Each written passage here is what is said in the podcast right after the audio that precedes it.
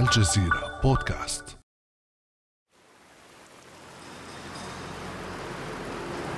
قرب نافذتها الصغيرة في شقتها المتواضعة في ضواحي باريس تجلس لورانس الأربعينية الشقراء على أريكتها الجلدية داكنة اللون تراقب زخات المطر في هذا الشتاء القارس الذي يعصف بأوروبا.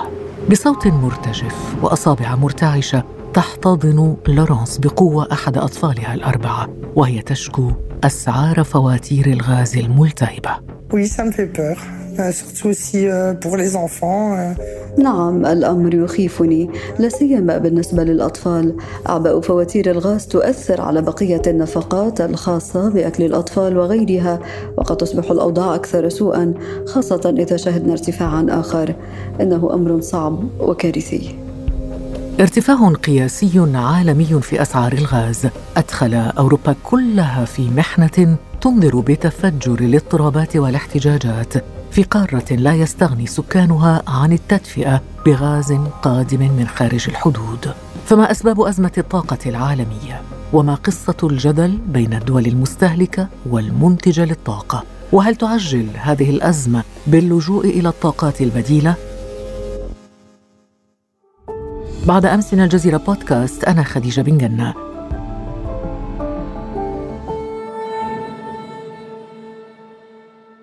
ويسعدني أن أرحب هذه المرة في الأستوديو بالدكتور محمد الشرقاوي أستاذ النزاعات الدولية بجامعة جورج ميسون أهلا وسهلا بك دكتور.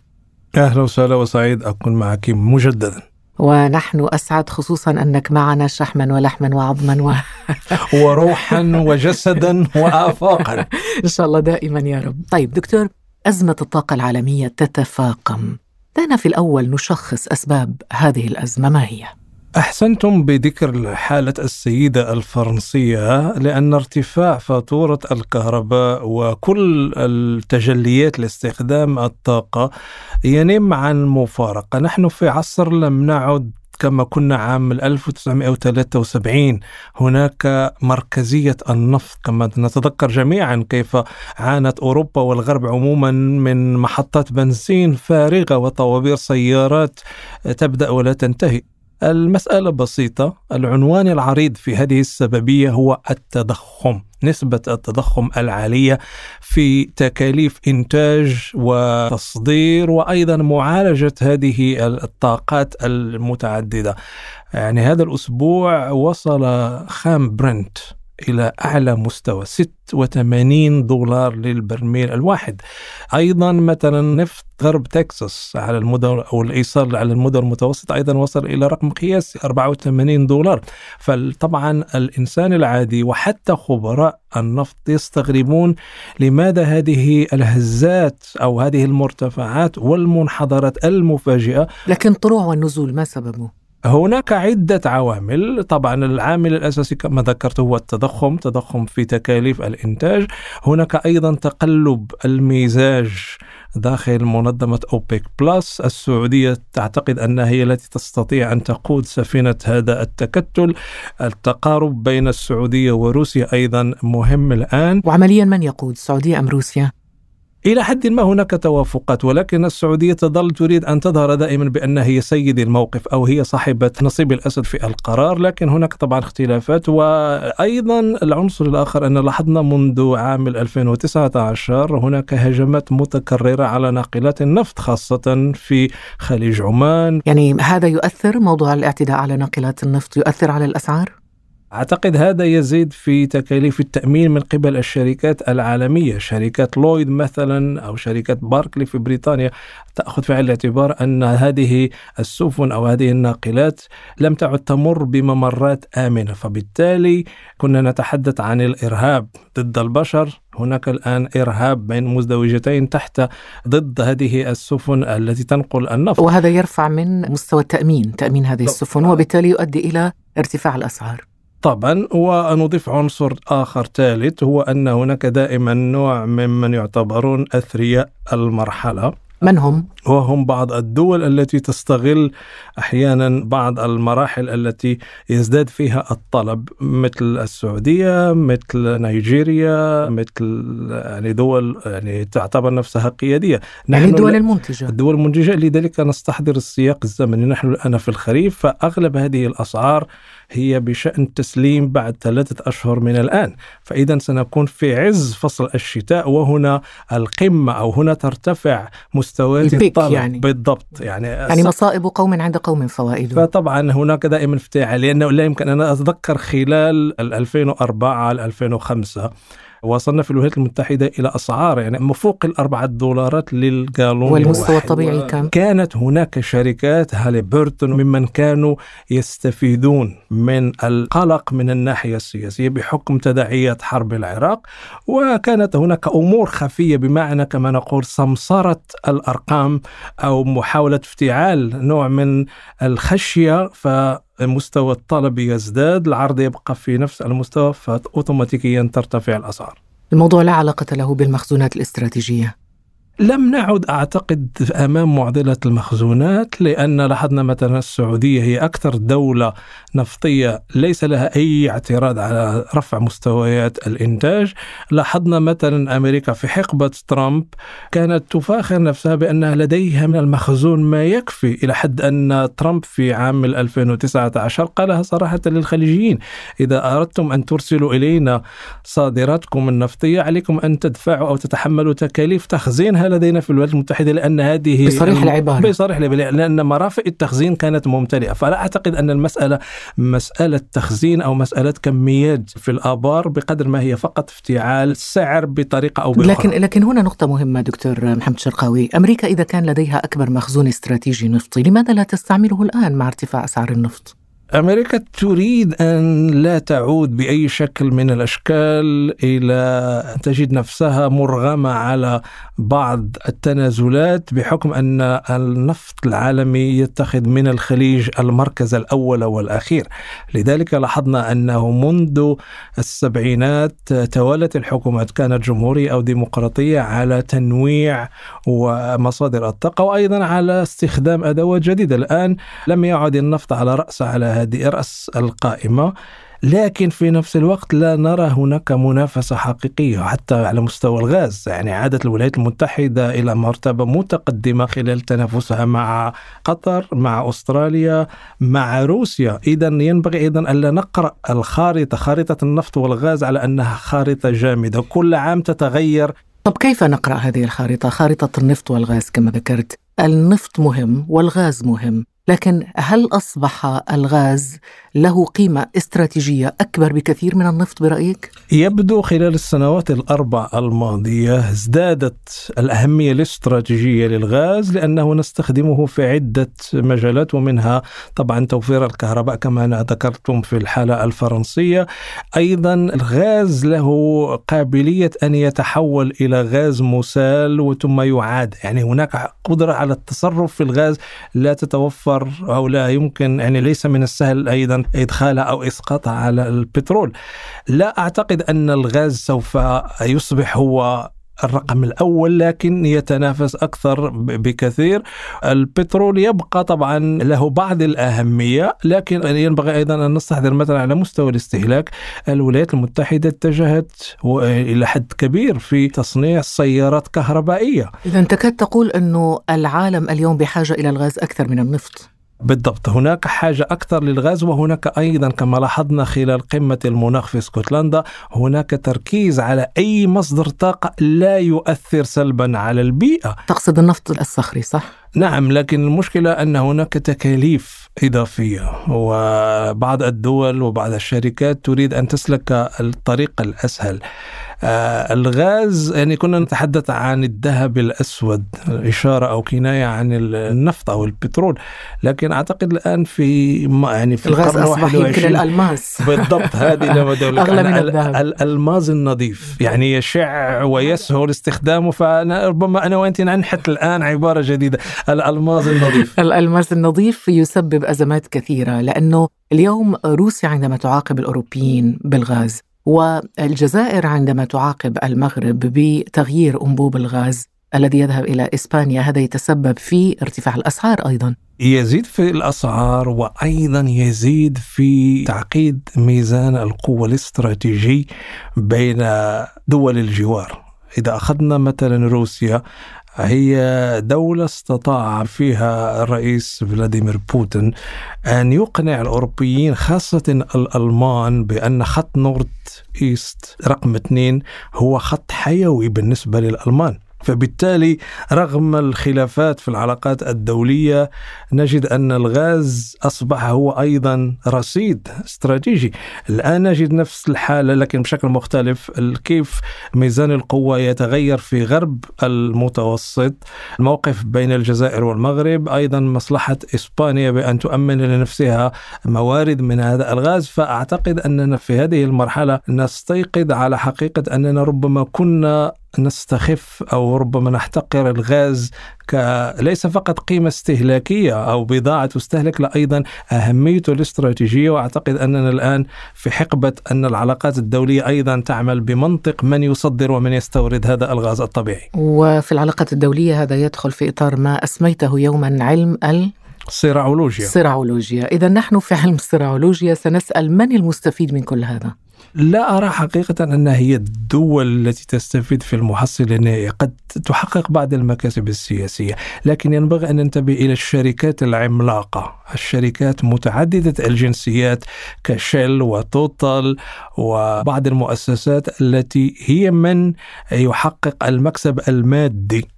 فإذا ارتفع النفط برميل النفط إلى أكثر من 100 دولار يعني هناك نسبة قليلة يستفيد منها المنتج وتستفيد منها الدول المصدرة. يعني طبعا هناك أرقام لكن تجد دائما الوسيط وهي هذه الشركات التي إما تقوم بعملية التنقيم تقوم أحيانا حتى بعملية استخراج النفط فتصبح هي صاحبة حظ الأسد من هذه المسألة. إذا ينبغي أن نهتم ليس فقط بالعلاقات الدولية ولكن أيضا بالاقتصاد الاقتصاد السياسي وفيه دول وفيه شركات القطاع الخاص وشركات عملاقة فالمسألة أعتقد لكن كدول من المستفيد من لا شك أن الدول المنضوية تحت عضوية اوبيك بلس الآن السعودية نيجيريا الجزائر ليبيا فنزويلا إيران كلها تستفيد وإن كانت إيران في وضع خاص. السعودية أيضا تتصدر هذا المشهد وهي العضو البارز القيادي في أوبك بلس ربما هذا الدور للمملكة العربية السعودية قد يغضب الولايات المتحدة الأمريكية. قبل أن أخذ منك الجواب دكتور محمد الشرقاوي دعنا نستمع إلى الرئيس الأمريكي جو بايدن وهو يحمل السعودية مسؤولية غلاء أسعار الوقود في أمريكا. ونأخذ أيضا رد الوزير السعودي وزير النفط السعودي على جو بايدن. The idea that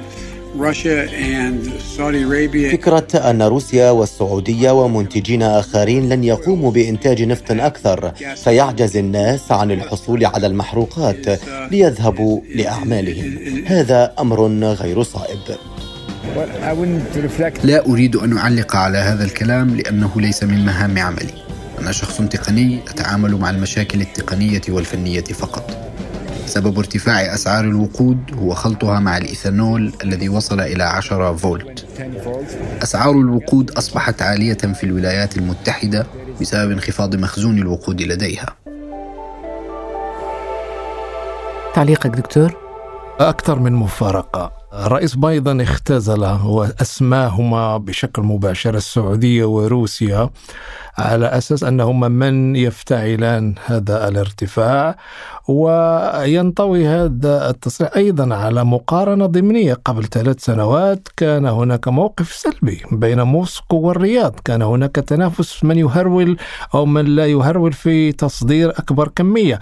يبدو أن الكرملين أقنع الرياض بضرورة استخدام كميات الإنتاج كوسيلة للضغط على الغرب وفي مقدمته الولايات المتحدة. فمباشرة الآن يقولها بايدن صراحة إن من يتحمل المسؤولية هو هذا التحالف الجديد السعودي الروسي.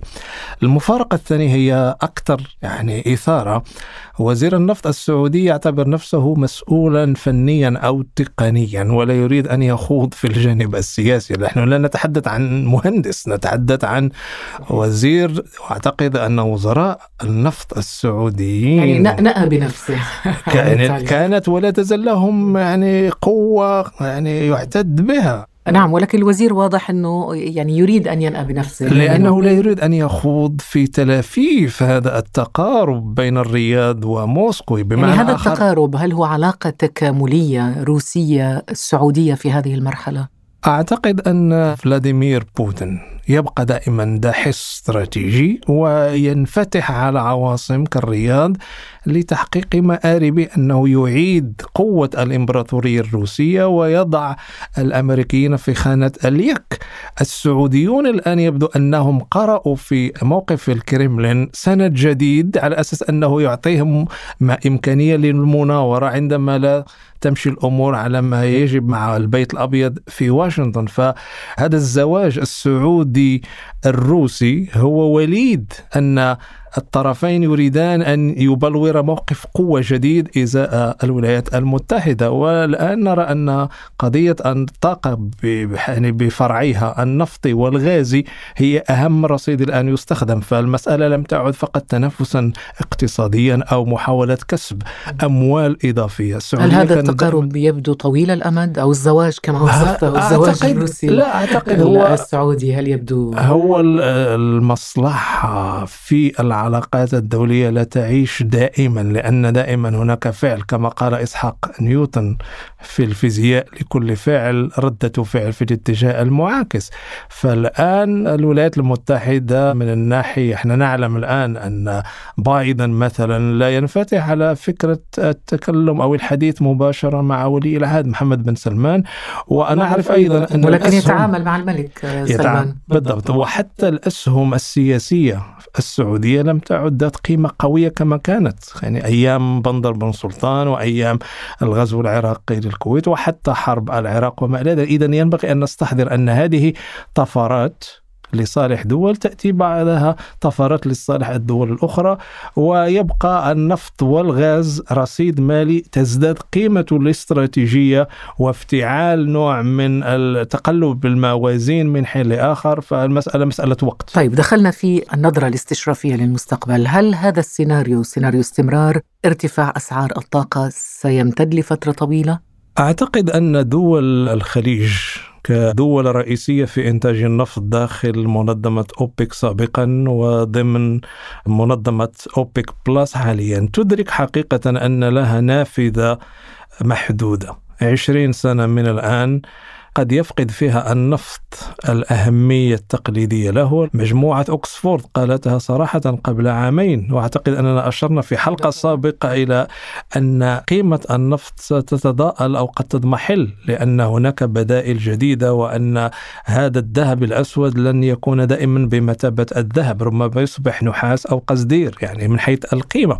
إذا هذه النافذة الضيقة تحتم على الدول المنتجة الاستفادة أكثر ما يمكن في ما تبقى من هذا المدى الزمني. كم تقريبا؟ 20 سنة؟, سنة. يعني هناك ترجيح أن النفط قد يفقد قيمته في حدود عام 2038 إلى 2040 منتصف الخمسينات من هذا القرن سنجد يعني نصل إلى مرحلة مفصلية والطاقة طب هذا يعني ظهور بدائل جديدة؟ أعتقد بدأنا الآن. يعني لاحظنا أن هناك الآن الاستفادة من الطاقة الشمسية هناك الاستفادة من الرياح السلاح هناك أيضا وهذا هو المتحول الأساسي. الولايات المتحدة الآن أصبحت تصنع سيارات تعمل بالطاقة الكهربائية وتمنح إعفاءات ضريبية على من يشتري هذه السيارات. اذا هذا مؤشر على أن السيارات الكهربائية هي سيارات العصر أو سيارات منتصف القرن العشرين. هذا طبعا مفيد دكتور مفيد للجيب ومفيد للبيئة وال... لأنه السيارة غير ملوثة.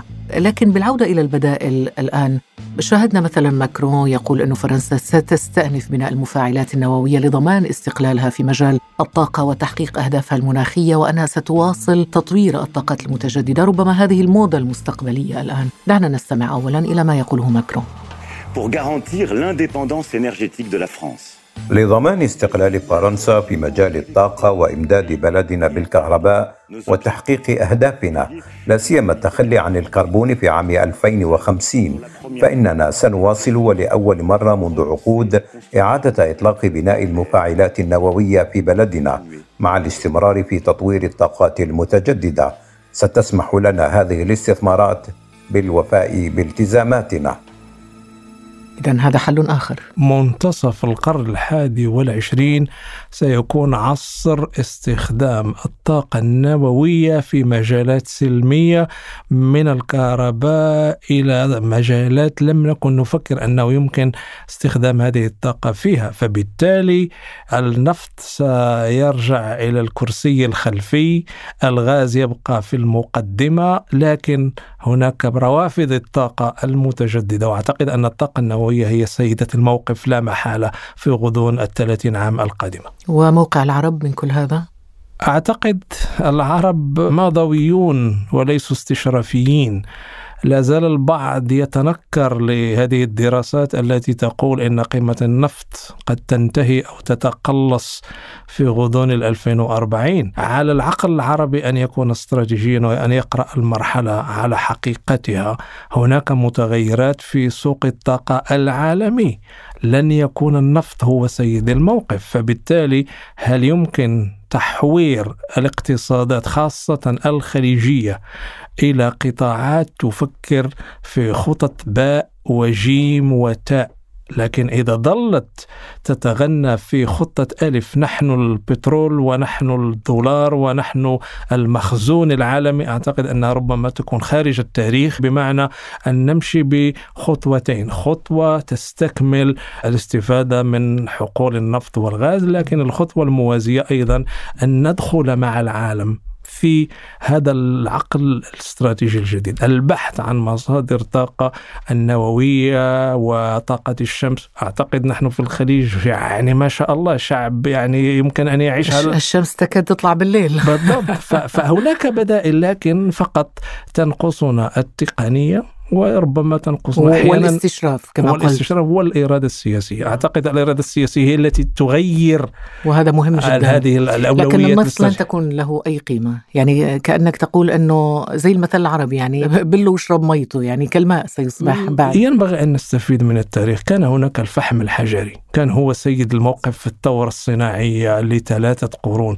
القطارات لم تتحرك إلا بحرق هذا الفحم الحجري. لكن هل نأخذ العبرة؟ لا يمكن أن نجمد التاريخ. التاريخ مرن التاريخ متحور التاريخ يعطينا قراءة أن لكل عصر مادته طاقته وأيضا من يطور هذه الطاقات. الغرب طور الطاقات البديلة ووصلنا الآن إلى العصر النووي في الطاقة. هل نكون نحن العرب ضمن هذا العصر النووي السلمي أم نبقى خارجه؟ هذا هو خيار المرحلة. خيار المرحلة والأسئلة التي نطرحها اليوم. نتمنى أن نجد لها إجابات في المستقبل إن شاء الله. استفدنا واستمتعنا معك. الدكتور محمد الشرقاوي أستاذ النزاعات الدولية بجامعة جورج ميسون شكرا جزيلا لك. وأنا سعيد جدا لأن فعلا مثل هذه اللقاءات البودكاست يعني تمنحني نشوة مضافة. ما أحلى أن تسمع الميكروفون ومن هي خلف الميكروفون يصدحان في كل اتجاه. وضيفنا أيضا وراء الميكروفون سعدنا جدا جدا بك. شكرا جزيلا لك. كان هذا بعد أمس.